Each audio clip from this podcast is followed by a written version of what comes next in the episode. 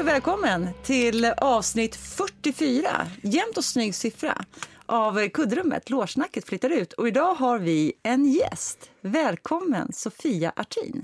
Tack Tanja. Varsågod. Och Ellen, vi kör tycker jag bara rakt på. Ska vi Ja. inte bara ta så här, göra något vi inte brukar göra? Bara ta en kort presentation direkt. Det tycker jag absolut att Och ska sen göra. ska vi snacka om allt möjligt. Nu gjorde jag så här. Jag ska bara...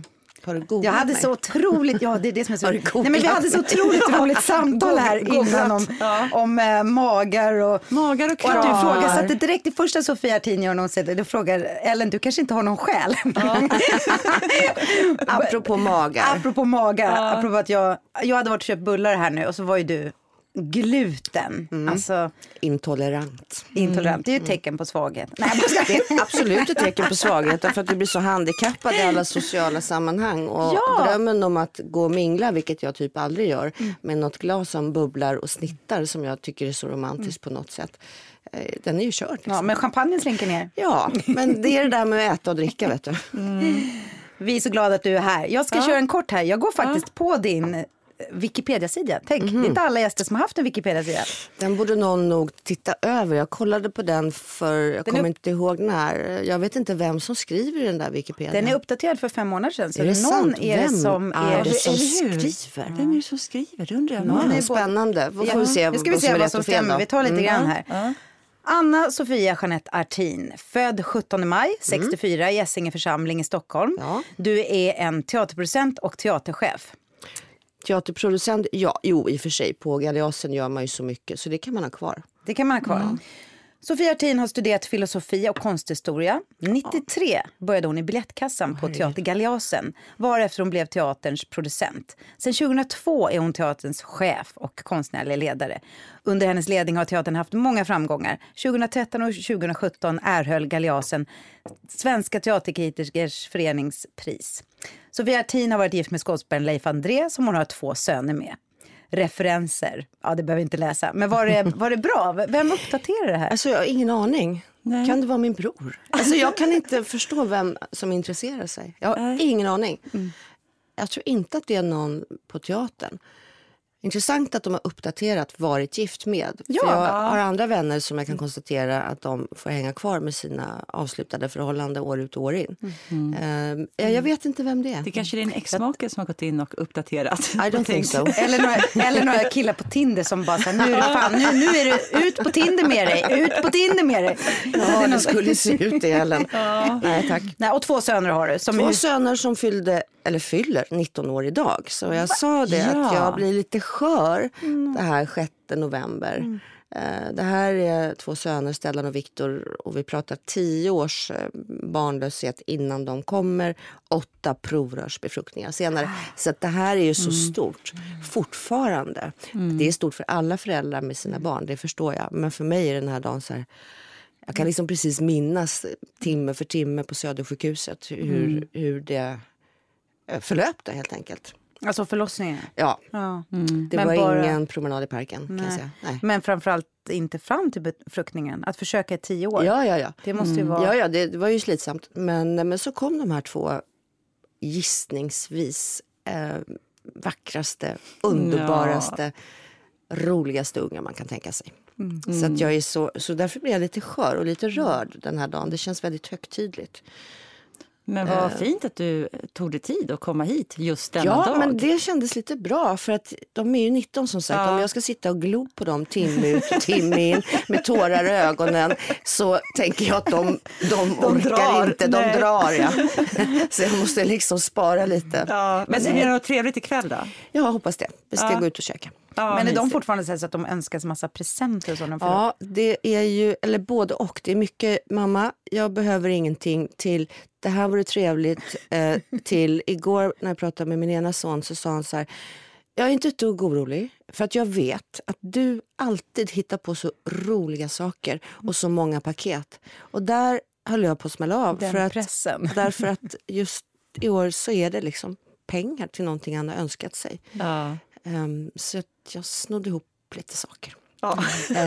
Gud vad barn pressar en på deras födelsedagar. Alltså jag vet inte, vi har pratat om födelsedagar förut. Att Ja. När vi var små, det firades inte så jättemycket. Nu är det så här, alltså de förväntar sig så mycket. Ja, fast jag tycker mina är ju väldigt modesta. Jag måste säga det. Och eh, hans tvillingbror hade önskat sig av mig en tavla som jag ska måla.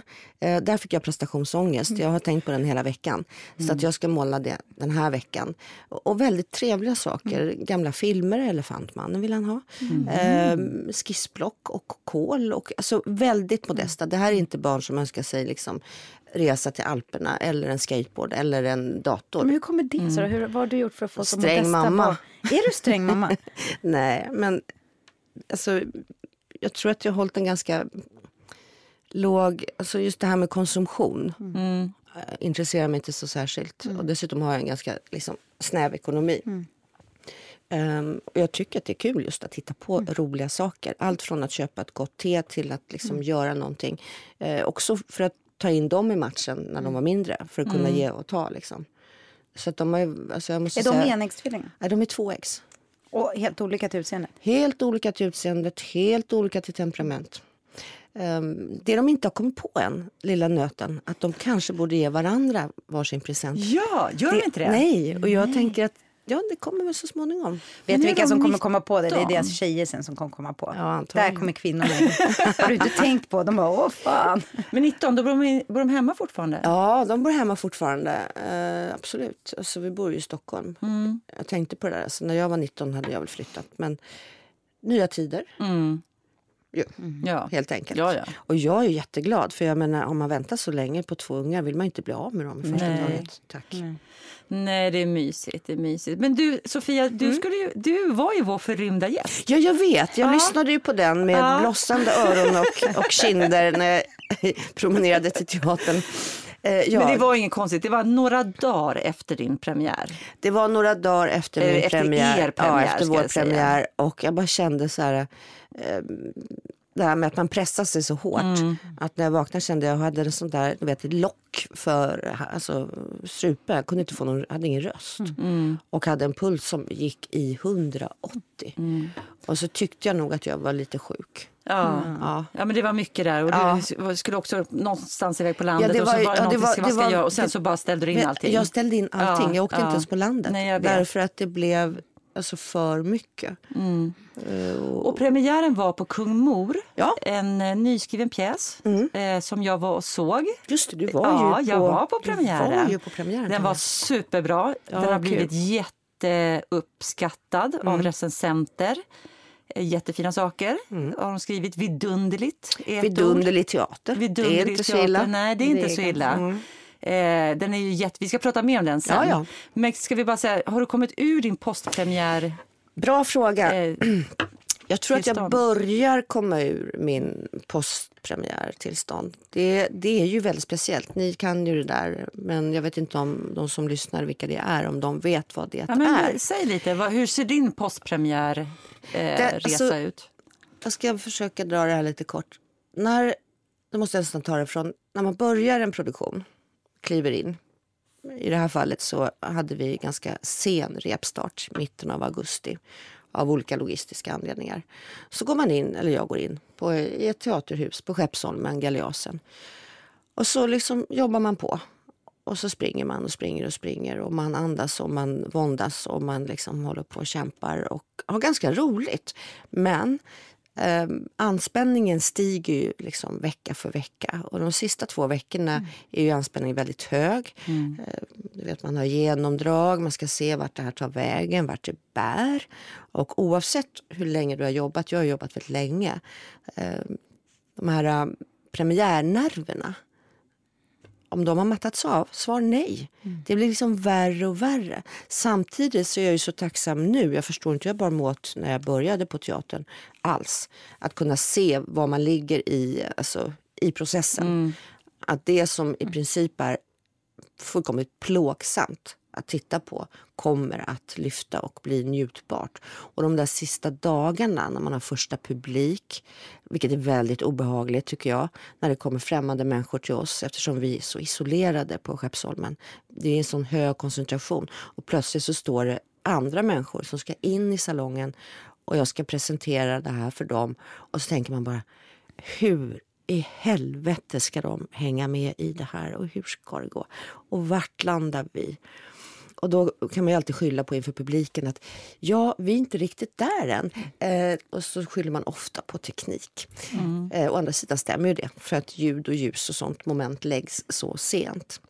Och sen trappas det där upp eh, till självaste premiären. Och nerverna liksom spänns hårdare och hårdare. Samtidigt så är min uppgift att få alla, för det är inte jag som står på scenen, att få skådespelarna att känna att de har liksom mig och andra i ryggen. Att, de har, liksom, att vi har tillit, att vi tror på det här. Vilket jag ju gör med få undantag. Att man tror stenhårt på projektet. Men när man väl har haft den här premiären så är det som att, jaha, och så kliver man ut och då är det den 17 oktober. Men fan, jag gick in här 15 augusti. Och så ser jag mig runt omkring. Men det är kallt, det är höst. Alltså, vad, fan tog, vad tog mitt liv vägen? Vad tog, vad, vad, vad tog allting vägen? Vad har, jag, har jag bara varit i det här de här två månaderna? Och så kan jag rannsaka mig själv. Nej, jag minns att jag var på landet där någon gång i slutet av augusti. Ju. Eh, jag har nog träffat någon kompis väl. Jag har väl gjort någonting annat hoppas jag. Och den där postpremiären blir också, tror jag för mig, att vänta här nu, jag måste liksom rekuperera de här, den här tiden i mitt eget liv. Mm. Eh, och så. Och sen kommer ju nästa fas, hur ska det här tas emot? Mm. Och eh, det är ju alltid liksom skräck. Hur landar det här? eh, hos publiken men också för oss hos kritikerna eftersom vi är så beroende av, av kritiken. Nu landade det ju väldigt väl och då började jag liksom slappna av lite, lite grann. Men sen efter någon vecka, då är man så här, vänta här nu, adrenalinet, nu är det borta. Mm. Och då, då, då, blir man liksom plötsligt lite trött. Och det får man ju inte bli. va? Nej. Man får inte bli trött. Nej. Men det blir man ju. Ja. Och då kommer liksom någon slags lång utandning där man känner att hjälp, jag är faktiskt trött. Ja. Ja, men du, Sofia, innan vi börjar prata då, om, mm. för vi, har ju, vi är jättenyfikna på Galeasen, Teater Galeasen och sen ska vi prata såklart ännu mer om Kung Mor. Eh, men får man börja med att fråga lite så mer om dig? Vem, alltså, är du ett kulturbarn? Nej, absolut inte. Um, Däremot har jag ett liksom stadigt rikt kulturellt kapital hemifrån.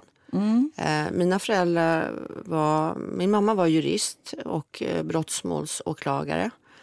Och min pappa var jurist och filkand och han hade en, han, vi, kunde, vi kunde aldrig riktigt säga exakt vad han var. Eh, men det kallades för att han var utrikesminister på Svenska arbetsgivarföreningen. Det vill säga att han jobbade på SAF Eh, mycket gentemot ILO och på den tiden EG hette det ju. Han var ju med mm. liksom, och jobbade för EU, det. Det som ja. blev EU sen ja. Mm. Eh, så att det är en liksom, akademikersläkt kan man säga. Och min morfar då, mammas pappa, han var ju biskop i Lund till exempel och rektor på Lundsberg. Det här är ju en helt annan miljö. Oj. Min farfar var apotekare och min farmor var väldigt, väldigt konstnärligt begåvad. Men farfar ansåg att kvinnor kan ju inte skapa konst. Så det blev liksom ingenting för henne eh, på det viset. Mm. Eh, så att så är jag uppväxt och eh, har flyttat en del. Född som du sa, Essingen. Flyttade till Lund, bodde där tills jag var tre var mycket i Biskopshuset när jag var liten. Fick åka mathiss upp och ner och gick omkring där på 900 kvadratmeter i någon Fanny Alexander-värld. Min morfar var lite lik Vergeus faktiskt. Jaså. Men inte i sättet, men i utseendet. Eh, och så var han rätt skrämmande. Men han, hade, han var en stor, stor humanist alltså. Och. Eh, för kvinnliga präster. Han var väl den som prästvigde de första kvinnorna i Sverige. Wow. Och min mormor var tandläkare, vilket ovanligt på den tiden med yrkesarbetande. Ja, men det, både din mamma och din mormor var yrkesarbetare. Ja. För jag menar, även din mamma... Mamma var född 1940. Ja, och där var ju mer yrkesarbetare. Men det fanns mm. ju lite hemmafruar ja, kvar. Men sen flyttade vi till Segeltorp, det är alltså en förort till Fruängen. Och det var ett helt nybyggt område med eh, radhuslängor. Och där fanns det alltså ingen barnomsorg därför att alla kvinnorna i det här området mm. var hemmafruar. Mm. Så vi fick ha barn. Först hade vi, ja, fick jag låsas in hos olika dagmammor. Det funkar inte alls. Och sen hade vi barnflickor hemma, vilket såg, såg ju jättekonstigt ut. Mina föräldrar var nyexade jurister. Det var inte så att de hade liksom, massa pengar. Men det var det enda sättet för att kvinnorna var hemma. Så, men där tänker jag, när jag tänker på mitt liv som vuxen, att där var vi ju en familj som inte passade in. Och så har det liksom lite sett ut i mitt liv. Att man är på platser där vi inte passar in. Man söker sig till någonting annat. Vi var ju jättekonstiga familjen. För att ni var akademiker och din mamma ja, jobbade? och vi hade och... ingen bil och, och i början hade vi ingen tv. För min mamma var jätteradikal när hon var ung. Det ändrades sen, så gick hon sakta mot höger. Men ingen tv fick vi så småningom. Och jag fick inte läsa Kalle Anka för det var kapitalistiskt. Jag fick inga V-jeans. Det var mycket så här inte. Eh, och jag trivdes ju inte så bra där. Började första klass där i svensk skola. Första dagen så sa, skulle vi skriva våra namn och jag hade ju kunnat läsa och skriva ganska länge så då skrev jag mitt namn så här, Sofia, S-O-P-H-I-A. Och så säger min fröken då, som heter Lilian, du har stavat fel. Det stavas med F och så gick jag hem och så sa jag till mina föräldrar, ja fröken Lilian säger att så här stavas inte Sofia. Och så säger min pappa, lite snobbig var han ju, lundensare. Då kan du hälsa din fröken att du har den klassiska grekiska stavningen. Och då gjorde jag det nästa dag. Sen hade inte jag en kompis på hela, hela alltså jag hade inte en kompis i ettan. Är det sant? På grund av Ja. det? För jag var, stack ut för mycket. Va? Alltså, att man stack ut för mycket för man stavar med PH och Men säger att man har vilken grekiska. okunnig lärare också. Bara säga en sån men sak. var ju vad hon var. Men hur Men- länge bodde du där då? Tack och lov så flyttade vi efter ettan till eh, Bryssel. Och det var min räddning för att eh, där blev jag satt i en eh, skola som heter Dekroli som påminner om Montessori. För att min pappa var och reka lite innan vi skulle flytta dit och då var han på en liksom, normal belgisk skola. Då hamnade han på en avslutning och då hade de systemet att de gick i fallande skala. Det vill säga den som var duktigast i klassen gick längst fram med en krona och så i fallande skala längst ner till den som var sämst med åsneöron. Och då tyckte min pappa att det var lite konstigt eh, och kände att det här kommer inte funka. Så då satte han mig i en vänsterradikal skola med enbart barn till, nu kommer kulturen in, till journalister och konstnärer och musiker. Trots att han var ju, alltså, han var ju ordförande i Sveriges konservativa studentförbund som ung. Han var ju moderat. Va? Men Vilka han- balla föräldrar du Ja, har! ja, har- släkt båda, ja, Ja. båda Ja. är liksom Ja. ascoola. Så då hamnade jag där. Och, eh, och vilken tur, för jag kunde ingen franska. Så att jag kunde ju, i, i det, det systemet så får man uttrycka sig... Alltså alla uttryck är lika mycket värda om du uttrycker det i bild, i toner. Eh, och det är otroligt smart pedagogik. Så att jag, jag, hängde, skit, alltså jag hängde med helt och hållet i skolarbetet och lärde mig franska. Och hur länge bodde du där då? Tre år. Tre år. Och Och då, du syskon, hade du syskon med dig? Ja, min lilla syster är fem år yngre och hon fanns ju då. Min lillebror är nio år yngre och sen föddes i Belgien. Då var jag nio. Överlycklig var jag för att få en bebis tyckte jag. Så att jag tog hand om honom ganska mycket. Men så att vi var tre stycken. För mig var de åren ljuvliga. Mamma var hemma. Hon tyckte inte det var kul att inte jobba. Hon var jättesur på mig sen när jag blev tonåring och jag tjatade om hur trevligt det var när vi bodde i Belgien när hon var hemma. och, och hon bara mrr, mrr. Så. Ehm, så att, eh, och sen flyttade jag till Sverige och då hamnade vi på Artillerigatan 4, alltså på Östermalm, precis vid Dramaten. Av en slump. Vi hade sålt det där lilla radhuset. Var skulle vi bo? Och min pappa fick ta över en lägenhet som jävla tur av en adlig person som hade ringt till min pappa och sagt så här. Stellan, du ska flytta hem om ett år med familjen. Vill du, vill du ha en våning? Ja, sa han då. Det kan jag tänka mig. och så fick mina föräldrar hyra en gigantisk sexrummare på Artillerigatan 4. Ja, det var en våning. Alltså det var, en, verkligen våning. Och när jag kom dit första gången, jag fick ju mest svindel. Jag hade aldrig bott högt upp. Det var ju fem våningar upp med balkonger. och jag tyckte liksom, jag förstod ju inte vart jag hamnade. Jag fattade ingenting. Och då började jag hel fransk skola på Essingen för att behålla franskan. Eh, Så att jag hade liksom ingen kontakt egentligen med eh, Östermalm. För mina kompisar vi var ju spridda över hela, hela Stockholm. Och det, var en, ro- det var en bra skola. Det var 350 elever då, från fyra år upp till nian. 35 nationaliteter.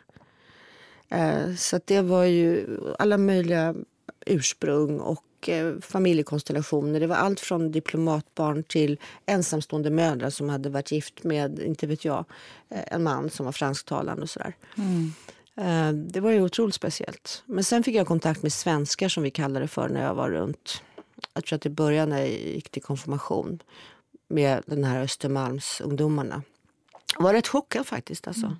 Det var ju stora middagar med förrätt, varmrätt och efterrätt. Vi var 15 år och folk spydde ungefär i eh, liksom, sopptallriken.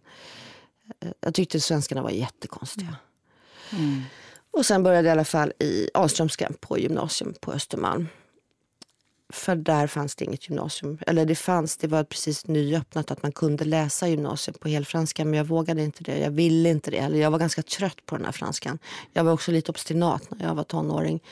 Det tog sig uttryck att jag inte ville prata franska på mattelektionerna till exempel. Ehm, Alströmska, det finns inte kvar som gymnasium. Nej. Nej. Så där hamnade jag för att jag sökte också Östra Real. Jag kunde, ju, jag visste inte, jag kunde inte orientera mig. Men då var det en utlämningskvot, det är sant på den tiden. Så en klasskamrat och jag sökte till Östra och de tog bara in en med, med en sån här konstig bakgrund, fransk skola. Eh, Jag är jätteglad för det, för Östra var en liten skola. Jag hade inte pall, pallat med Östra. Och hur kom du in, liksom, när, när kom du in på själva teatern? Liksom? Men det var ju vad- sent. Det var ju sent. Jag var inte så intresserad av teater så.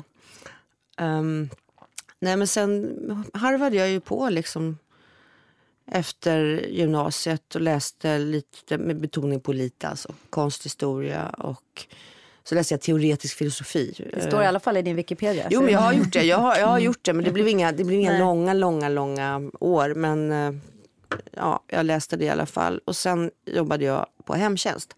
Och det har jag sagt i intervjuer tidigare att det har varit min bästa skola. Eh, faktiskt. Därför att du möter människor, du eh, läser av situationer, du eh, läser av människor och du kommunicerar. Eh, och så är det ju vårt arbete på teatern, att du ska läsa av människor, fatta situationen och eh, möta upp. Eh, otroligt givande. Och sen hamnade jag på, jobba på skivbolag. Och, Men vad tyckte, jag tänker dina föräldrar som är så här, eh, utbildade akademiker, Mm. väldigt högt upp i samhället ändå. Så, vad hade de för förväntningar på dig? Alltså min mamma tjatade på mig att hon tyckte att jag skulle bli scenograf. Och jag var ju så här, men vadå, jag är inte ens intresserad av teater. Jaha, men hon var ändå inne på, ja, liksom, inne på det. eh, Jag hade rätt mycket ångest över det här, vad jag skulle bli. I och med att det var sån tung akademisk tryck. Liksom. Så att jag vet när jag var 21 så gick jag hem och så sa henne, mamma nu vet jag, jag läser juridik. Och sa nej men glöm det. En jurist måste alltså uttrycka sig adekvat, torrt, ej emotionellt och det kan inte du. så det blev inte. Nej, men jag höll på att harva runt och visste liksom inte riktigt vad jag skulle ta mig till med mitt yrkesverksamma liv. Jag hade panik. Och sen fick jag, Jag tycker det är intressant, jag måste säga, att för alla vi tre har ju barn i precis den åldern där de håller på att bli vuxna emellan. Våra är 21 och dina är 19. Och de, eh, jag, jag känner igen det så himla väl. Jag tycker de där var de svåraste åren. Så Vad svårt. ska man bli och hur man guidar barn, vad man har för förväntningar hemifrån. Man ska ju ha förväntningar, men hur mycket? Men nu måste du berätta. Det, det är så jättesvårt tycker jag Ja. det här med, faktiskt för mig också gentemot mina egna söner. För de är uppväxta med mig och sin pappa Leif André eh, och, och ser framgångar. Och för dem blir ju mottot, mitt motto var ju det här med den akademiska världen. Alltså man förhåller sig ju ändå till det man är uppväxt med. Deras är liksom så här, ja man får väl något kungapris då och då. alltså det är inte klokt. Och jag försöker säga till dem, så här ser inte livet ut. Ja. Eh, Jag tror att det är en väldigt tryck på dem eh, faktiskt. Med, jag har inte tänkt på mig själv som framgångsrik mer än att nu när barnen, eller nu sen några år tillbaka när de påtalar det här. Jag ser mig inte sån. Jag ser mig bara som någon som stretar på liksom och kliver på. Eh, Men i vilket fall som helst, jag hamnade på Galeasen och då var jag till åren kommen. Får man lov att säga. Var 27. 27, och då började du i Då började jag i biljettkassan. biljettkassan. Ja. För att, och, och sen var ju producenten aldrig där. Alltså, nej men det är sant, han, han var aldrig där och jag började komma tidigare och tidigare och slå i olika pärmar och tänkte, oh, jösses Och hur jag-" länge hade Galeasen funnits då? För 83 bildades Galeasen. Ja, det är ju tio år senare jag kommer in. Du då. kom in tio år senare Ja. och då har Rickard Günther innan varit konstnärlig ledare. Ja, och- alltså, det fanns ju ingen struktur på det viset. Det hette så att han var konstnärlig ledare. Ja, och han var ju liksom Galeasens stora, stora regissör. Mm. Att snacka om. det var ju Rickard. Liksom. Mm. Men då började jag där och då var det stormöten och då blev jag, om, då blev jag liksom ombedd att ringa till Dramaten. Vilket jag då gjorde pinsamt nog och säga hej jag heter det och det. Det är så att vi söker en producent här så jag undrar om Sofie Lerström kan komma och jobba hos oss. Alltså det var så genant. Jag visste ju ingenting.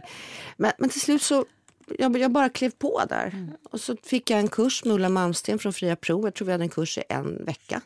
Och sen var det bara att köra.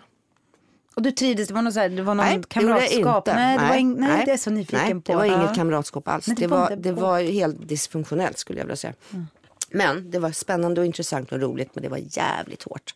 Och jag mm. hade en jättesvår eh, icke-position. Liksom. Mm. Eh, till exempel hade jag ju då lägre lön än alla andra bestämde sig på stormöte fast jag jobbade jämt. Men visst, så att i början, men jag tänkte jag så här, det var, så här tänkte jag. Jag kan inte liksom byta en gång till. Nu, mm. nu, nu lär jag mig det här liksom som en rodeo. Jag, jag jobbar här om det funkar tills jag behärskar det. Sen kan jag gå vidare. Mm. Ja, inte har jag gått inte. Mm. Nej. Nej, men du har lärt dig. Ja, jag har lärt. Mm. Och jag har haft en jävla tur, det måste jag säga. Men samtidigt, man kan inte säga att någon direkt har hjälpt mig. Utan mm. det här har jag faktiskt mm. skap, alltså skapat från eget huvud. Men blev du tagen av teaterns värld när du klev in och såg en föreställning? Ja, att det var ja, någonting oh, som slog ja, an i dig? Det, det slog an ja. jättehårt i mig. Mm. Det måste ju vara ja, så, någon slags kärleksmöte. Ja, ja. Jag, med... jag blev liksom handlöst förälskad när jag såg den första uppsättningen jag såg på uh, Galeasen som heter Artros Requiem. Jag var helt frälst. Alltså. Mm. Så jag var otroligt förvånad och eh, lite besviken när jag såg den andra de körde samtidigt som hette Ferrando Bruno Almqvist som Stig Larsson hade regisserat med Micke Persbrandt i huvudrollen. Och när han kom in och skulle säga jag heter, mitt namn är Ferrando Brando. När jag var titta på den så kom han in och sa så här. Mitt namn är Ferrando Brando. och i salongen satt jag, två till och en uteliggare Simon. Vi var fy, tre på den föreställningen. så det var en rätt stor diskrepans mellan Artaud och ja. den här. Va? Ja. Och sen efter det kom Gatan av Jim Carter som Rickard regisserade. Den var ju också, den tog mig jätte Alltså de... Det legendarisk Men du vet att jag har sagt i den här podden nu, nu säger jag för tredje gången. Ja. Gatan var ju det som gjorde att jag kände ja. att jag kan vara i den här världen. Ja, det, var så. det var där jag mm. tog beslutet mm. att jag ska bli skådespelare. Mm. Det var den föreställningen. Jag tror, att, jag, tror att jag redan gick på scenskolan, men det var någonting där att jag kände mig alltid som apart. Mm. Jag tänkte så här, jag hör inte hemma i den här Nej, världen. Jag, det här, jag förstår inte liksom vad jag ska spela i den här världen. Jag visste att jag tyckte om mm. teatern, mm. men när jag såg gatan då förstod jag min plats. Mm. Alltså vad jag kunde göra, att jag kunde vara i den här världen. Ja, men jag, jag, det är samma här, mm. det kände jag också. Mm. Att här, här funkar jag. Sen det andra, att det var liksom rörigt eh, runt omkring och att det var ostrukturerat och att det var konflikter och sådär. Det ingår väl antar jag, men, men det är en annan del. Men, men just den konstnärliga världen. Mm.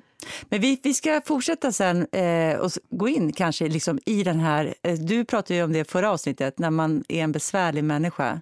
Just det här vår teatervärld, mm. hur vi liksom navigerar oss i det.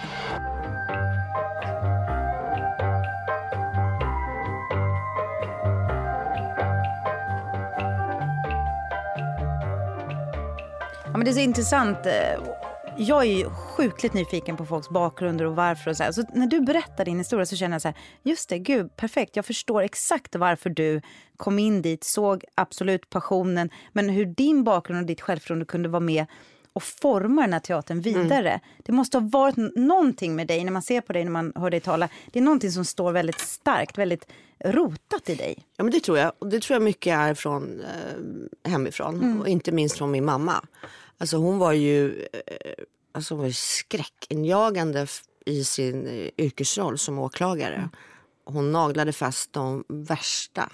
Alltså det var ju otroligt imponerande att se henne i en rättegång. Har du sett, såg, såg du ja. henne i rättegångar? Ja, jag ja. såg henne. Och den, jag, jag kommer komma till varför jag tar upp det nu. Mm. Att se henne stå, hon hade ett stort, stort mål mot Clark Olofsson. Och det var, det var hans första gång som han torskade för narkotikabrott. Det hette Östermalmsligan och det var tolv åtalade. Eh, och tolv naturligtvis då advokater i snajdiga kostymer som tjänade hur mycket pengar som helst advokaterna. En åklagare, för så ser det ut i Sverige. Mm. Mm. En kvinna och det var min mamma i detta manliga rum. Alltså det var så mycket manliga hormoner, det går inte att beskriva. Och jag var och tittade på mamma, jag och min lilla syster och min kompis. Och så började Clark Olofsson ljuga. Ungefär hur gammal var du då? Tonåring? 20 kanske. 20, ja. Ja, 19. Han började ljuga i alla fall och då viskar min syster som är då runt 15-14. Alltså, hör du, han ljuger. Fattar han inte? Han kan inte ljuga för mamma. Det går inte. Och det där har jag tänkt på. Och jag får ju höra ibland att jag har så här åklagarfasoner, att jag har liksom en åklagarblick. Så att när jag började på teatern, jag var jävligt orädd. Eh, För att driva en teater handlar ju också mycket om kulturpolitik, just som vi pratade om förut, struktur. Eh, Alltså jag gick ju i clinch med alla möjliga omelbums. För jag var orädd och det hade jag hemifrån. Och, men, och när du kom, liksom, du började som producent Mm. på Galeasen. Vad var det som gjorde sen, för du sa att det var ostrukturerat, var, var det att det var du som gick in och började så strukturera och organisera upp det? Var det det som gjorde att klivet till teaterchef sen kom? Nej, det var väl så här egentligen helt enkelt att det var inte så. Utan det var väl så att, att jag gjorde ju mer och mer där. Eh, och, eh, och, och Rickard hamnade ju på institutioner, folk började få andra jobb. Det var ju liksom en rörelse där eh, i mitten av 90-talet. Eh, jag, det jag gjorde till exempel när jag började där, det var att tala om för en regissör, nu har jag sagt vad han heter, att det här med ettårsanställning som han hade, vilket kanske var rimligt på ett sätt, men han jobbade ju bara tre månader om året, så sa det här måste vi göra om. Nu får du tre månader som regissör. Du kan inte ticka lön hela året, den här teatern har inga pengar. Eh, och det undrar jag fortfarande över att jag pallade att säga. Ja. Det blev lite gnissligt där ett tag, men det funkade ändå. Ehm, så att jag liksom tog tag i mer och mer och jag menar, det blev ju jag som la repertoaren och sen, jag, menar, jag rollsatte ju så, det gör jag fortfarande. Självklart i dialog med, med regissören. Men det är ju ett av mitt roligaste uppdrag, det är rollsättningen. Det, är, det är liksom det man jobb, lever för, höll jag på att säga. Ehm, så att jag, jag, som jag märkte inte ens förändringen, om du förstår vad jag menar, från det man kallar för producent till det som heter teaterchef. Och, men när det- blev det liksom en officiell byte Det av blev din... när jag, det här eh, låter ju lite konstigt, det, det, när jag blev sjukskriven på grund av utmattning eh, i eh, samband med just de här IVF-behandlingarna och min pappa dog och det var väldigt mycket på en och samma gång. Då var det den vikarierande producenten som kort och gott hade ett kort styrelsemöte och så att i programbladet när jag kom så stod det teaterchef Sofia Artin. Jag bara, va? Kan inte stå heller? Jag kan väl inte... Gud så genant. Jag är ingen teaterchef. Och sådär. Så så, det där är väl typiskt också att man ser ju... Alltså min roll är ju mycket att jag ska prata med mig själv. Jaha Sofia, vad tycker du här nu då? Jo, jag tycker så här. Bla, bla, bla, Det har jag Men har jättebra någon medarbetare. Ja, exakt, jag tänkte Ja. Har du någon producent nu som du bollar med? Eller liksom, hur, ser hur ser... Hos oss har det sett Vad- ut länge vilka- att vi har haft ni? producent som heter Joakim Bajomi Karlsson men han, och, som jag såklart pratar med. Eh, men han har ju en jättestor arbetsbörda med allt som har med ekonomi att göra. Alltså koncession, att liksom betala räkningar, löner till redovisningsbyrån, fylla i ansökningar. Allt det där som jag avskyr gör han så jäkla bra. Ehm, men sen är mycket samtalen med eh, regissörerna. Och nu har jag en kvinna som heter Agnes Norlin som har jobbat hos mig eller hos oss ganska länge. Hon började som askultant och sen har hon varit Sofias och jag anser att hon är väldigt skicklig dramaturg. Så att Agnes och jag jobbar väldigt tätt nu i de konstnärliga planeringssamtalen. Ja, vad skönt. Ja, Så du, inte, så, så du behöver inte bara prata med dig själv? Du Nej, har för några så andra. var det ju faktiskt Ja. för länge sedan. Ja. Det var ju det tidigt 2000-tal. Som Gollum. Så en, en bra röst och en, en liksom Ja, lite så, elak va? röst. Det Som är pratar drömmen för varje, alla teaterchefer att ingen säger emot det. Man snackar med sig själv. Nej, det, det är inget bra. Ensam är ju inte stark, det vet ni. Att så är det ju inte. Liksom. Men om ska prata lite skillnad, vi har ju, det var därför vi ville bjuda in dig också för att du kommer från en så kallad fri grupp och vi har pratat väldigt mycket om institutioner här. Jag kollade lite definitionen på vad är en institution, vad är en fri grupp och så här. Och det är klart, det har att göra med en institution kan ju vara någonting som har funnits länge också bara i ordets... Alltså, ja, men, men det är ju det att en institution får statligt stöd medan ni får stöd från kommun och landsting. Alltså skillnaden mellan institution och det man kallar för frigrupp är att institutionerna har ett antingen statligt eller kommunalt uppdrag. Alltså Nationalscenen Dramaten har ett statligt uppdrag och ligger under eh, kulturdepartementet, staten. Stockholms stadsteater har ett kommunalt uppdrag. De ligger väldigt hårt under Stadshuset. Mm. Eh, som är ju deras... Eh, alltså de, stads, Stadsteatern är alltså en koncern numera eh, till Stockholms stad. Mm. Så att så ser det ut. Medan de här, eh, det här uttrycket frigrupp tycker jag är så för, förrädiskt. För det är så gammalt på något mm. sätt. Mm. Det finns liksom inga fria grupper. Alltså, vad betyder det egentligen? Det är liksom mer småteatrar. Tyvärr har många småteatrar, scener som ni vet, har ju stängts. Det är det vi skulle vilja prata om också. Maximteatern, det är ju inte en frigrupp på något sätt men en, mm. en viktig scen. Alltså det, det har ju krympt. Teater, Stockholm har ju krympt de här senaste 20 åren och det är jävligt läskigt alltså. Mm. Och hur ser er liksom finansiering ut? Hur, hur, den ser hur ut så här, Den ser ut så här att vi söker pengar och det här är ju lite märk, märkligt kan jag tycka ibland. Eh, varje år söker vi pengar från Statens kulturråd och från Stockholms stad. Och så får vi besked vad de anslår för pengar. Stockholms stad får vi då för besked för 2023 i december 2022. Ganska korta puckar. Va? Mm. Eh, så det är ju mycket is i magen för man måste ju kontraktera människor och lägga budgetar och sådär. Så, så alltså ekonomiskt är det ju, har det blivit på gränsen till vad människor klarar av för att det är så begränsat med eh, pengar. Vi har alltså anslag per år 3,4 miljoner kronor för att driva Galeasen och göra två produktioner, ha teaterchef, producent och tekniker allihopa och en hyra på 800 000. Så att vår ekonomi är ju, är ju galet snäv. Vi har höjt biljettintäkterna mycket de senaste tio åren. Och sen så söker man pengar till exempel för nyskrivet från Författarfonden. Um, så det här med ekonomin är ju, jag tror inte många människor begriper hur jävla tajt det är om man jämför med en institution. Och därför är de här samarbetena avgörande för att vi ska kunna fortsätta egentligen. Det krävs liksom det. För att, eh, och sen är det en jättelåg löneutveckling. Vi har inte blivit indexreglerade överhuvudtaget. Alltså Stockholms stad har vi nu anno 2022 50 000 kronor mer än vad vi hade 2004. Mm. Alltså Stockholms oh, stad lägger inte många kopek på, i alla fall på teatrar. Um, tyvärr.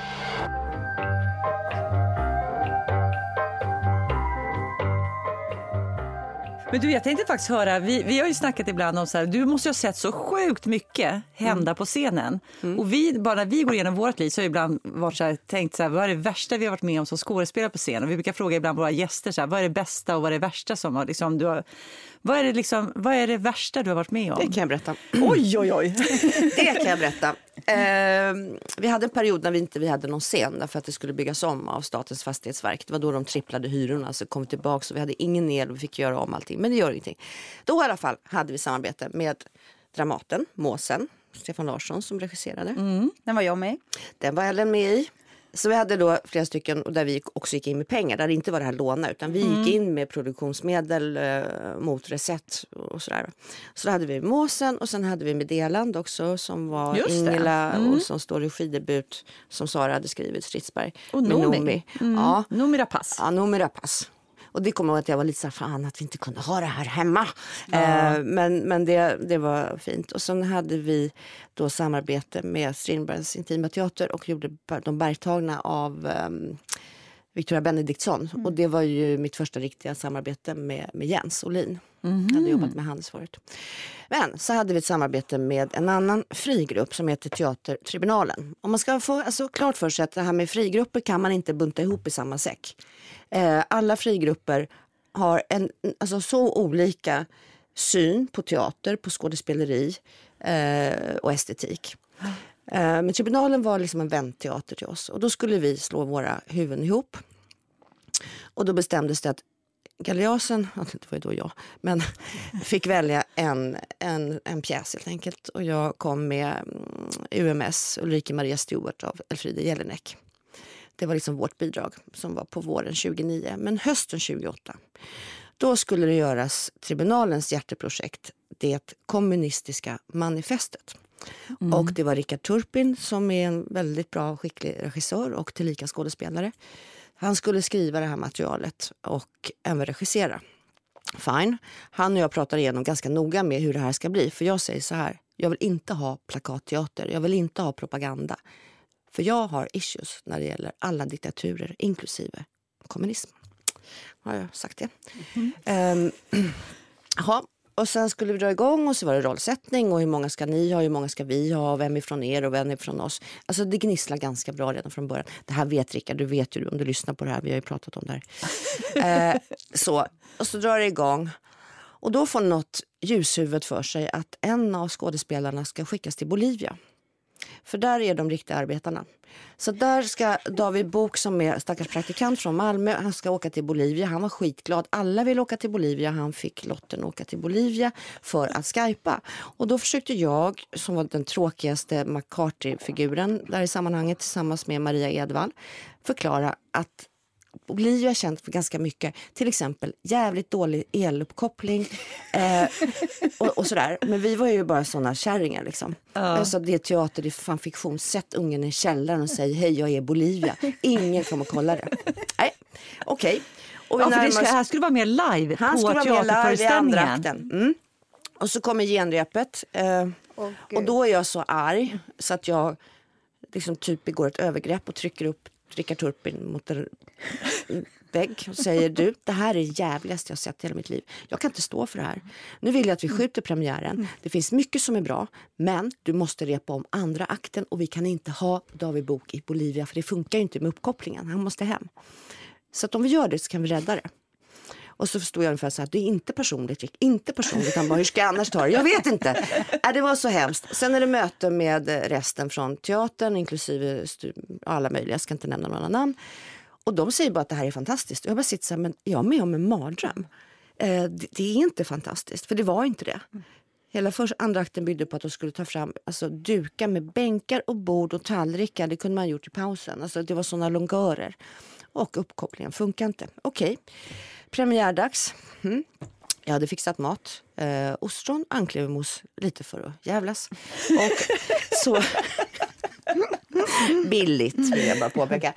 Ja, men det finns, alltså jag, jag gillar ju de, det här gänget så det är inte mm. det det handlar om. Utan det Nej. handlar om en, en estetisk, alltså en, en konstnärlig mm. konflikt. Men mm. också att jag hade svårt för vissa partier. Att jag tyckte att det var för um, onyanserat. Ja, och så bänkar sig publiken i gradängerna som för säkerhets skull hade sikthöjd. Alltså, alla de här staketen var ju precis i sikthöjd så folk kan inte se så mycket bra tänkte jag. Och så börjar det. Och så, ganska bra, jättefin öppning. Funkar rätt så bra. Men det är fortfarande inte liksom helt okej. Okay. Sen kommer vi till andra akten.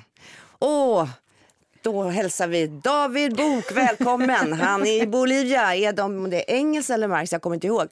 Och det börjar naturligtvis med bara blup. Mm. Man bara, hallå? Blup. Alltså han hörs inte, han syns inte.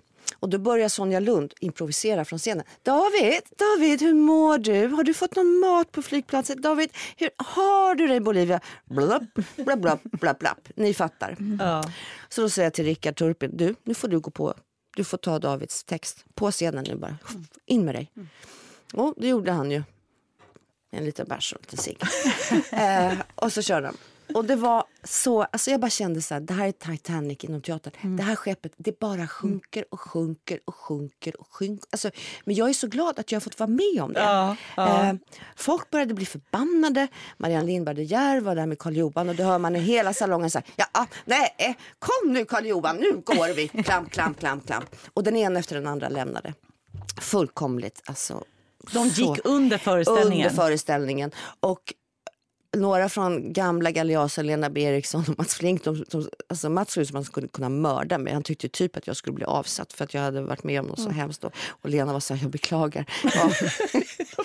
Sen så Rickard, han repeterade om det där. Han, han la om um, den där ja, första akten. David Bok åkte in på någon jättehemsk tandinflammation och fastnade i Miami av CIA för att han hade ju bara hela kommunistiska manifestet i sin dator och han höll på att aldrig komma hem. Nej, och sen fick Loji Tunius åka till eh, Island, Krisland istället och då började det funka lite bättre. Åh oh, herregud! Och det där, det samarbetet, det samarbetet. Oh, och, och, det var så hemskt att, att att det blev så hårt liksom, mellan oss.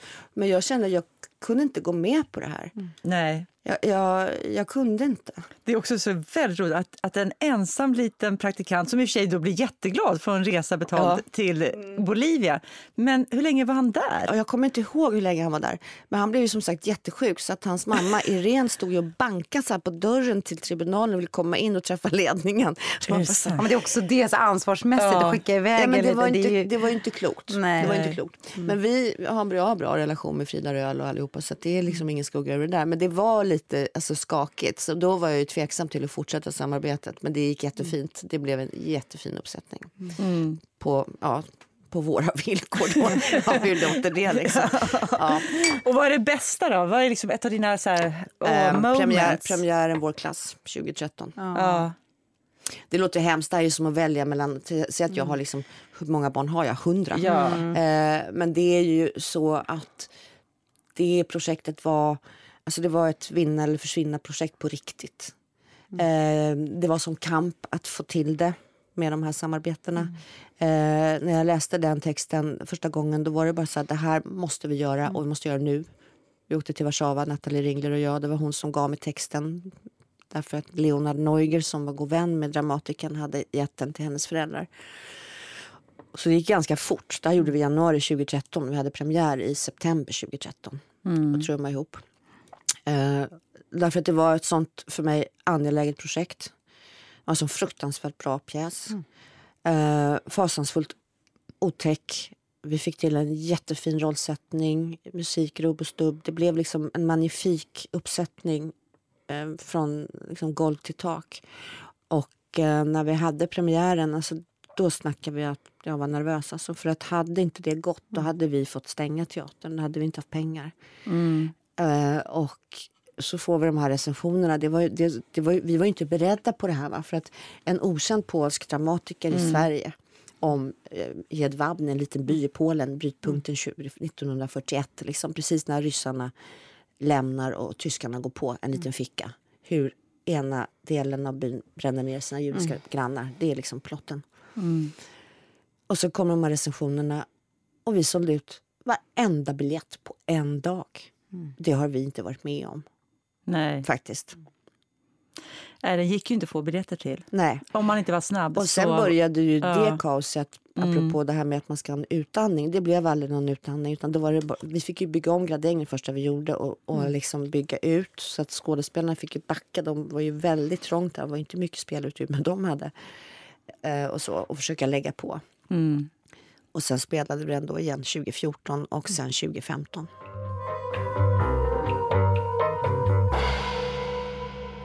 Om jag tänker på vad jag har sett på Galeasen de senaste åren, då är det ju mycket med det här att eh, väldigt ofta det börjar med en väldigt bra text. Mm. En text som är utmanande, alltså som har en hög verkshöjd. Texten är enligt mig då grunden för Ja, det det, vi gör. Alltså texten utan en, en bra, eh, liksom mättad eller inte, eller liksom välskriven både språkligt och angelägenhetsgradsmässigt. Utan en sån text tycker jag att det är svårt att åstadkomma. Jag tycker det är bra att ge de förutsättningarna för produktionerna. Och jag är väldigt intresserad av text. Och sen är det alltid väldigt bra rollbesatt. Alltså jag måste då bara komma till rollbesättningen på Kung Mor. Det var så fint. Visst blev det fint? Ja, det, den är så bra. Det är Charlotta Larsson gör den här dementa. Vi kan väl se, prata lite om Ja, den. ja, det handlar ju om, eh, Det handlar en, om, om alltså, demens. Det handlar om demens eh, i viss förlåt. mån, eller det gör det ju i viss mån. Därför att Jenny Tunedal som är en av Sveriges skarpaste poeter eh, skrev en bok för ett antal år sedan som heter Rosor och skador. Och det, Den fick jag läsa, den läste jag på Augustpriset. ja, du ser. Ja, den är fantastisk. Den är jätte, jättefin. Och där hon i sitt eh, skrivande mm, liksom förmedlar sin resa med hennes mamma som blev dement. Eh, och sen skulle Kristina skriva för, för vår räkning. Jag beställer ju verk liksom av, av dramatiker. Inte så att du ska skriva om, om demens. Utan, ja, så. Eh, och då föreslog hon att hon och Jenny skulle samarbeta kring, alltså ta ett avstamp ur den här boken. Och då var det väldigt kul när vi skulle göra första rollsättningen. Därför att det här skulle vi ha haft premiär på 2020. Det blev som sagt en pandemi så nu hade vi premiär 2022. Eh, och då gjorde vi en rollsättning. Den fick vi lägga åt sidan sen för att folk är upptagna och sådär. Men sen satt vi en och vad ska vi, hur ska vi tänka kring kung Mor? För kung Mor har ju liksom är, irrar omkring i glömskans labyrinter och med det också ett väldigt fint språk. Mm. Eh, och kung Mor har ju, är ganska bitsk mot sin dotter eh, och har en enorm humor mitt i alltihopa. Och då så kom vi in på Charlotta Larsson. Eh, för att Charlotta har inte stått på scen på jätte, jätte, jättelänge. Nej. Eh, jag hade kontakt med henne 2019 också för en annan grej, men då kunde inte hon. Så då bestämde vi att ringa Charlotta Larsson. Hon sa ja. Alltså, vi blev så glada. Mm. Eftersom hon inte har skådespelat på ett bra tag. Hon Mm. är, alltså, hennes replik, alltså hennes scenarvaro, alltihopa är helt magnifikt. Ja, Mm. Hon är ju det bara. Och sen är det då Hanna Ed som var med oss i Irakis som gör dottern. Mm. Och hon har ju långa, långa mättade monologer att traska sig igenom, men det gör hon bra. Mm. Verkligen. Och sen är det Pelle Grytt som har stått på scen också hos oss li- lite Mm. då och då. Han var för övrigt med i manifestet också. Eh, så att Pelle var tillbaka efter alla år och han gör Dagen och eh, en tokfrans. Det här säger inte er så mycket men man får läsa lite på en hemsida om man är intresserad så fattar man bättre. Och så är Alexandra Drotz Run, hon har jobbat hos oss tidigare i eh, Folk Richter pjäs som heter Trust och även i Virupajo pjäs som heter Omfamningar. Så det, det är de, den kvartetten. Och de har jobbat jävligt hårt, och det har Kristina också gjort, att sätta liksom, eh, kropp på det här språkskelettet. Mm. Och så, de har satt en ton som är väldigt, Ja. den är väldigt fin. Det är väldigt bra regi. Ja, det är väldigt tycker jag. bra regi. Mm. Alltså, jag var väldigt imponerad av regin. För det är någonting i, i tonen, i hela liksom, hur hon håller ihop det, hur alla är i samma värld, i samma rum, i samma Ja. Mm. språkdräkt, i samma spelstil. Och sen, som säger, den är ju poetisk, den är väldigt mörk i sitt anslag, för Mm. Ja. det handlar om det här. Ja. Och sen så blir den rolig. Ja, den är just för- fruktansvärt rolig Eh, ibland. ja. Och det som är som publik, jag kan ju texten, va? men att publiken kan ju bli så himla såklart koncentrerade och liksom man, öronen på helspänn och lite ansträngda av att hänga med. Det är synd för att man vill att folk ska kunna skratta Mm. till för det finns ju så hemskt mycket dråpliga situationer. Mm. Och när den verkligen sitter så blir ju vissa scener sådär, alltså plötsligt är man i en surrealistisk mardröm liksom, när det rör sig på det viset som det ska. Mm. Hur länge spelar ni? Ja, nu spelar vi till den 28 november, men eh, imorgon så tror jag att vi förlänger.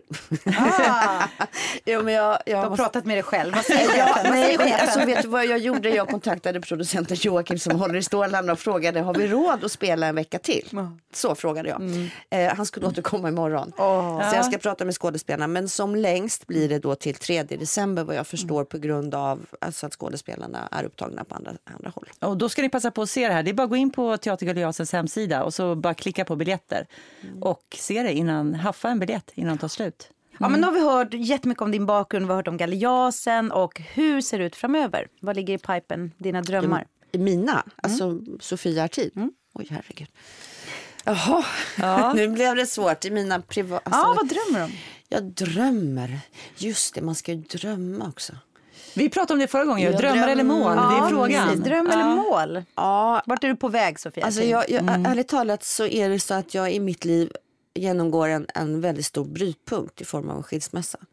Så att just nu är det nog mer mål än drömmar som finns plats. Men det kommer ju komma tänker jag. Därför att det är en sorgeprocess och det är också eh, en praktisk process. att Var ska man bo? Hur ska man kunna försörja sig? Så jag är ganska inne på att försöka klara livhanken. Det förstår jag och det måste vara jätte, jättejobbigt att skilja sig så här publikt också för er skilsmässa blir väl omskriven. Ja, det beror på hur man... Precis. Om man pratar eller inte. man ju välja. Jag fattar, jag fattar. Ja. Men vi har ju fått höra en del om den skilsmässan i tidningar och media. Jo, ja, jag vet. Jag vet. Ja, men jag fattar. Så det, skilsmässan var ju en så stor brytpunkt. Så från det så ska men man så gå att- vidare. Men jag tänker väl att, att, det, att jag kommer ha min tid där jag kan just det här som, som är viktigt att ha drömmar. Eh, men jag är liksom inte riktigt där än. Ja, allt det praktiska ska vara på plats och sen lägger vi upp en Tinder-profil. Sen, Nej, tack, det är bra. Sen ska vi drömma åt dig. Det ligger liksom... Nej, jag, tänk, jag, jag kan väl drömma om så tillvida att jag kan drömma om mina barn, att de liksom hittar olika vägar. Det kan jag ju ägna mig åt ibland. Att fantisera vart de tar vägen. Drömmer om att jobba på andra teatrar? det där är ju min akilleshäl. Att jag har ju så jäkla svårt att eh, bryta upp från galjasen. Mm. För att jag är så... Eh, jag är, ja, det är liksom så stor viktig del av mitt liv. Mm. Samtidigt som jag rent krasst kanske i det här läget borde söka ett annat jobb för att kunna försörja mig. Men det är för mig att ge upp hela mitt liv. Alltså För mig är det det. Eh, jag har ju varit inne på de tankarna ibland. Jag har ju fått en hel del förfrågningar genom åren från olika eh, institutioner. Men jag har inte velat det. Då kunde jag säga, eller då kunde jag tycka, vilket var rätt, att mina barn behövde mig i större utsträckning. De, kan ju, de har ju varit jättemycket på Galeasen och suttit och gjort läxor och sådär. En helt annan tillvaro. Men jag, jag vet inte. Det, jag, jag vet, jag är vuxen, men jag är inte riktigt där än. Nej, och det är för mycket på en gång. Nu, Ja, alltså, ja, nu ja. ska inte bli... Men eh, någon banala frågor. Har du, någon, har du någon hobby eller någonstans du går när du behöver samla kraft? Förlåt att jag börjar skratta. Mitt jobb är min hobby. Nej, men, och det är, det, det är, ju, är det det tragiska svaret? Nej, alltså jag, när jag behöver samla kraft. Yogar du eller gör någonting så här? Har du, någon, Yogar, ehm, har du något tips så här? Hur samlar man ihop sig? Hur man samlar. Eh, för mig är det till exempel att laga mat. Jag lagar Ja. väldigt mycket mat eh, och då blir jag koncentrerad på det och jag tycker om att laga mat. Liksom, ja, laga Fa, mat. vad favoritkök då? Allt möjligt, vad som helst. Alltså från grunden menar jag. Det är ju underbart. Jag lagar väldigt mycket mat. Jag kan göra allt från anka och pomme dauphine till eh, raggmunk eller till asiatiskt eller whatever. Jag rör mig ganska fritt. Hörni, ska vi avsluta med en liten lek? Okej, vi testar. Jag är Ja. världens sämsta på att leka. Ja, men det här är så här, vi hade ju förberett den här eh, förra gången och vi körde den på varandra. Okej. Så det är samma är frågor, samma men det kommer till dig nu. Får vi se. Så kan, så kan de som lyssnar jämföra med våra svar. Precis, det här är bara att du ska välja mellan två saker och det är inte bråttom eller så utan eh, vi kan ha Ja, en liten diskussion. Ja. Ja. Okej, om du får välja mellan Mästarens mästare eller Wahlgrens värld. Ja, men alltså. Och titta på. Kryss. Kryss, du Du tittar inte tittar, på inte på, du tittar inte på såna här dokusåpor? Och... Nej. Nej, bra, det är bara bra Nej. att veta. Ja. Eh, ja, nu får du välja mellan Babel eller Agenda. Um, mm, ja, det är svårt tycker jag. Ja, Jag tar Agenda för att uh, plåga mig själv och bli riktigt upprörd. Ja, tittar du på båda? Jag tittar väldigt lite på tv. Ja, Men jag kollar på Babel ibland och Agenda ibland. Jag, tittar, Mm. jag har inte ens tv inpluggat. Nej. Nej. Nej, jag tittar extremt lite på tv. Mm. Jag lyssnar mer på radio. Mm. Frigrupp eller institution? Båda. Mm, bra svar. Läppstift eller mascara? Om du bara får välja en grej. Läppstift, jag har nästan inga ögonfransar att mascara upp. Så att Okej, vad väljer du att käka? Frukost eller lunch? middag. jag är varken det ena eller Om du käkar på kvällen? Jag är jättedålig på, på de där. Eh, spa eller kajakhelg? Ja, då är jag en sån där som gärna skulle lägga mig och klucka runt i något stort spa. Det har inte jag gjort nämligen. Så att jag, har, jag hookar på det. Jag ska Ja. på spa imorgon. Just det. Ja. Jag låtsas att jag har ett spa hemma. Jag låtsas. Det går ganska bra. Jag Ja. kallar det för fattigmans bastu. Jag fyller badkaret med varmt vatten. Jag vet att man inte får det så ofta. Och så springer jag ut på balkongen, in i badet, ut på balkongen. Och så är det som att bada bastu. Men gud vad bra. Ja, visst är det smart. Ja, det- är jo. bra. Vi får ta med Sofia på ett spa. Det där. Nej men det är jättehärligt. Ja men det låter, det, det är Ja, och så faktiskt som att tända ljus. Det är som att basta när det är mörkt, alltså. Det, Du springer blir, ut man blir näck på panik i det balkongen. varma badet. Nej, jag har faktiskt en handduk. Det är, jag bor ju tant här borta. Jätteroligt. Ja. Det galna teaterchefen naken på balkongen. Ja, nej, där, där går min gräns. Jag är ganska pryd av mig. Så det blir Är du? så. Ja, då, det är jag. Ja, men vi måste ta med dig på spa helt enkelt. Ja. Okej, vad väljer du? Kjol eller byxa? Ha på dig. Vilken konstig människa jag vill säga båda hela tiden. Eh, alltså jag har gått mer in för byxor nu. Förut hade jag mycket mer kjol. Ja, men det är bra. Eh, Italien eller Frankrike?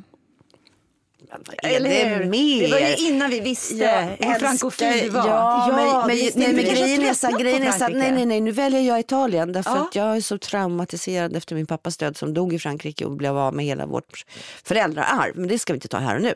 Så att Italien säger jag. Oj, oj, oj. Här är, Oj, det här här någon- ämne för en ny Ja, ett det där är verkligen, det är för en Ja. hel pjäs låter det Ja. som. Okej, och sista Italien. frågan, den banala. Tapet eller färg? Hemma? Färg. Färg, ja, är du bra på inredning?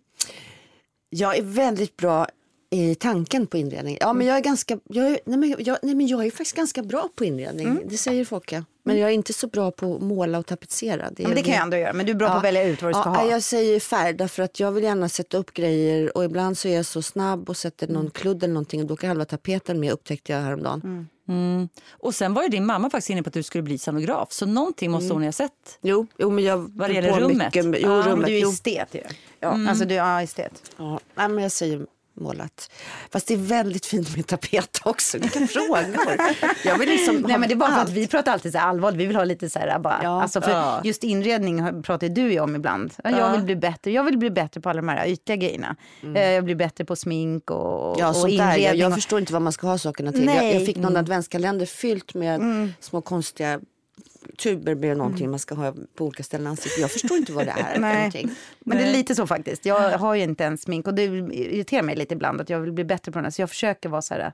Och jag är så dålig estet. Alltså jag, det, är ju, Ja. det, det ser jag ju. Jag ser ju Ja. folk när jag kommer hem till människor Mm. som är esteter och så tänker jag, åh herregud, så här skulle det kunna se ut ja. Mm. Och så sitter jag liksom i min soffa, jag köper en så här ganska bra grejer men jag ser ju att det inte hänger ihop hemmet. Nej, alltså jag, är det är, inte, jag är inte heller så jävla bra. Alltså. Då blir jag så impad av folk som är så Ja. stilsäkra som bara, den där ska du ha. Jag bara, Men det, men det där är ju så mm, olika. Jag tycker det roligaste är ju när man skapar någonting från ganska små medel. Alltså jag är ingen som går och köper dyra grejer. Absolut inte. Det roligaste är ju att försöka komponera ihop på grejer man, man har och så liksom enklare saker. men det är då det blir snyggt. Det är bara som min dotters eh, studentrum nu i Lund. Mm. Det är mycket snyggare än vårt hem någonsin har varit. För att hon har ju skapat ihop det med lastpallar, med sina, sin fotokonst. Ja, sin, vad liksom, att köpa så här begagnade, bara begagnade möbler, begagnad soffa. Det är så Mina jävla syskon snyggt. har ju så här... Jag älskar, jag, älskar, jag verkligen älskar mina syskon. Vi har en skitbra kontakt och det är väldigt skönt för vi har inga föräldrar. De dog tidigt. Liksom. Men, men deras inredning på hemmen är bara så här. Jag hyr min brorsas lägenhet. När jag kom dit bara, men det står en elefant i rummet. Det är alltså en sån här soffa i tre delar med en mittparti som är liksom så här miogrått. Och den där soffan har jag krigat med och hållit på med tyger och försökt hitta tyger som täcker mittpartiet. För jag får creeps. Och min syrra har också så här miomöbler. Jag, jag förstår inte. Nej. För för mig är det så här, Ja. så att man är så olika. Ja. Och, och de har det fint, alltså, det är inte det. Men för mig blir det så opersonligt. Jag tycker det blir så här institutionsaktigt. Mm. Ja, jag fattar. Men gud vad härligt. Men vi vill ju helt enkelt komma till Galeasen och käka mat med dig. Ja, Och vi gå får för, ja, vi får komma och hälsa på. komma och hälsa Får på. komma och hälsa på. Ja, jag går ganska ofta förbi där med min hund liksom, på Skeppsholmen. Men då är ju inte ni där. Jag kikade in häromdagen, då var det ingen där. Nej. Men du. Sofia, tack snälla för att du Ja, men kom idag. Det var fick komma. underbart. Det var jättekul. ja, du är vår härligt. första teaterchef. Ja. För vi har ju du, nu har vi hållit på ett tag. Först hade vi skådespelare, sen har vi haft någon regissör. Och så vill vi prata med teaterchefer, just fråga hur det är. ja, det var Vad, vad är de underbart. säger? Vi ska fan vara fan var Han var teaterchef. teaterdirektör. Ja, alltså, fan ska vara teaterdirektör. Ja. Ja, det är nog inte lätt. Eller det är inte lätt. Nej. Nej. Men du gör det bra. Ja, tack. och det Jo, står jag upp. Och så ska vi tacka Ljudbank för att vi får vara här. Och så tackar vi eh, Theresia för att du klipper så bra och Matte Bie för din fina, fina musik. Ja, Matti. Och så tack alla som lyssnar. Ja, och, tack Sofia. Om Ja. det nu är några där ute. Vi får se. Det är jag, där jag, har, jag har ingen koll på det här. Det är som att prata liksom in i, jag vet inte, i gruvan där Ja. Tanja jobbar då. Och gå till Galeasen allihopa. Ja, Då ses vi. det. Hej. Tack för nu. Hej. Hej då. Hej.